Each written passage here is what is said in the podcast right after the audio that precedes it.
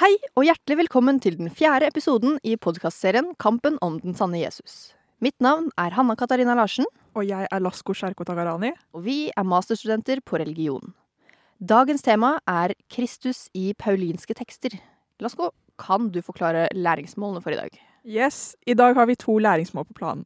Du skal kunne drøfte hva som legges i termen monoteisme, og så skal du kunne forklare hva som ligger i begrepet teosentrisk kristologi. Dagens ekspert er Tor Vegge. Hallo! Hallo. Hvem er du? Jo, jeg er lærer her på Universitetet i Agder, professor i bibelvitenskap, Skriften i Nye Testamentet og tidlig kristendom.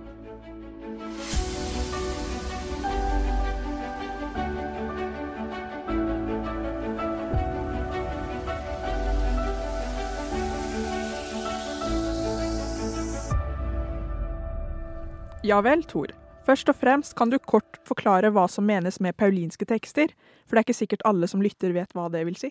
Ja, paulinske tekster er jo tekster i Det nye testamentet som er knytta til Paulus. Så det er brev som er forfatta av Paulus, og også tekster som er forfatta i Paulus sitt navn. Og dette er jo interessant, for her har vi jo de eldste tekstene i Det nye testamentet. Paulus skrev jo ca. 20 år etter at Jesus levde. Og det er brev som Paulus skrev til personer eller til mennesker han var blitt kjent med. Det var personer i Tessaloniki, Filippi, Korint og Roma.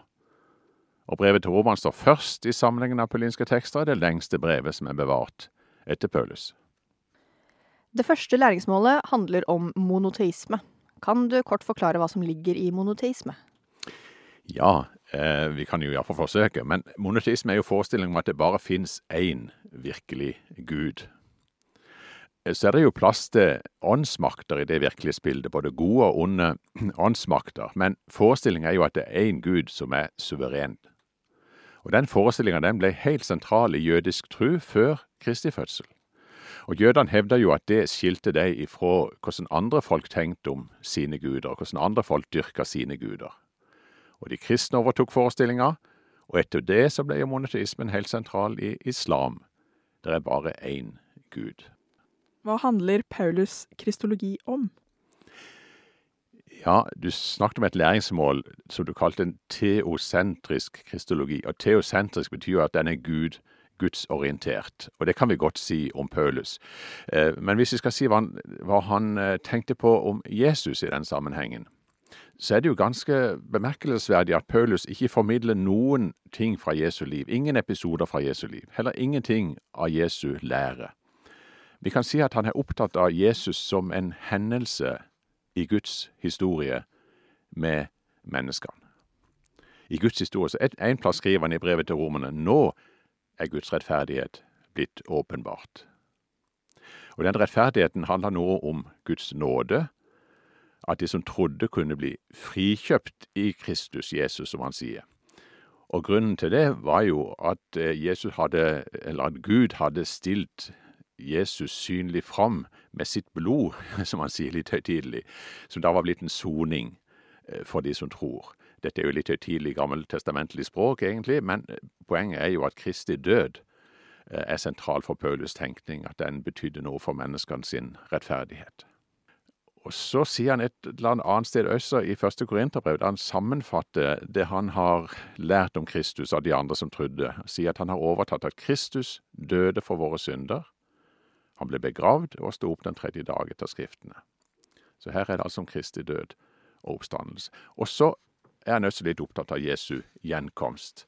Han skriver i det samme brevet til romerne at eh, alt som er skapt, liksom venter på at alt skal bli forløst, at alt skal bli nytt. Han snakker om en herlighet som skal bli åpenbart, som han sier, og som skal bli vår. Da snakker han om alle som tror at de skal få del i den herligheten. Så det er sentralt i Paulus sin kristologi. Jesu Kristi lidelse, død og oppstandelse som en hendelse i Guds historie med menneskene. En av bekjennelsene som vi snakket om i forrige episode, gudssønn-uttrykket, eh, bruker ikke Paulus sånn veldig ofte, men hvorfor er denne bekjennelsen så veldig viktig? Jo, den ble ganske viktig. Eh, Det, det var jo mange sånne bekjennelser. Og disse forskjellige titlene som vi ser, var jo ikke like forståelige eller like viktige alle steder. Messias, som vi snakker om, altså på gresk Kristus, var jo godt forståelig for jøder. For Messias var jo tittelen på den fredskongen som de håpa på. Så for jøder som ble kristne, så var derfor Messias og Kristus en viktig tittel. Guds sønn og forestillinga om sånne gudesønner var jo godt kjent i gresk og romersk mytologi, så den ble viktig for de som ikke var jøder som ble kristne. Og tittelen ble etter hvert viktig for de kristne. Og på Paulus' tid så hadde den kanskje ikke rukket å etablere seg sånn ordentlig. Så var vel Messias viktigere for jøder enn Guds sønn, men Guds sønn var fullt forståelig og fullt brukbar for jøder som et slags uttrykk for guddommelighet. Og derfor ble Guds sønn kanskje ekstra viktig fordi den liksom kommuniserte både med jøder og ikke-jøder. Ikke-jøder er det som Dunn på engelsk kaller for gentiles. I denne episoden har vi lært om to begreper nå, monotisme og kristologi. Hva slags problemer kan oppstå mellom termene? Ja, det er jo her kanskje noe av det spennende oppstår. For monotisme er jo forestillingen om at det bare finnes én virkelig suveren gud. Og så tenker jo de kristne at Kristus blir opphøyd, Jesus, så de tenker jo stadig liksom høyere og mer om Jesus, at Jesus er Guds sønn, at han er herre, at han er suveren. Og spørsmålet er jo er det nå blitt to suverene, guddommelige skikkelser. Og sånn som det heter i Koranen, jo, de skriver jo ironisk om de kristne har Gud fått barn, altså er Gud blitt to. Altså en kritikk om at nå er jo monotismen egentlig ødelagt.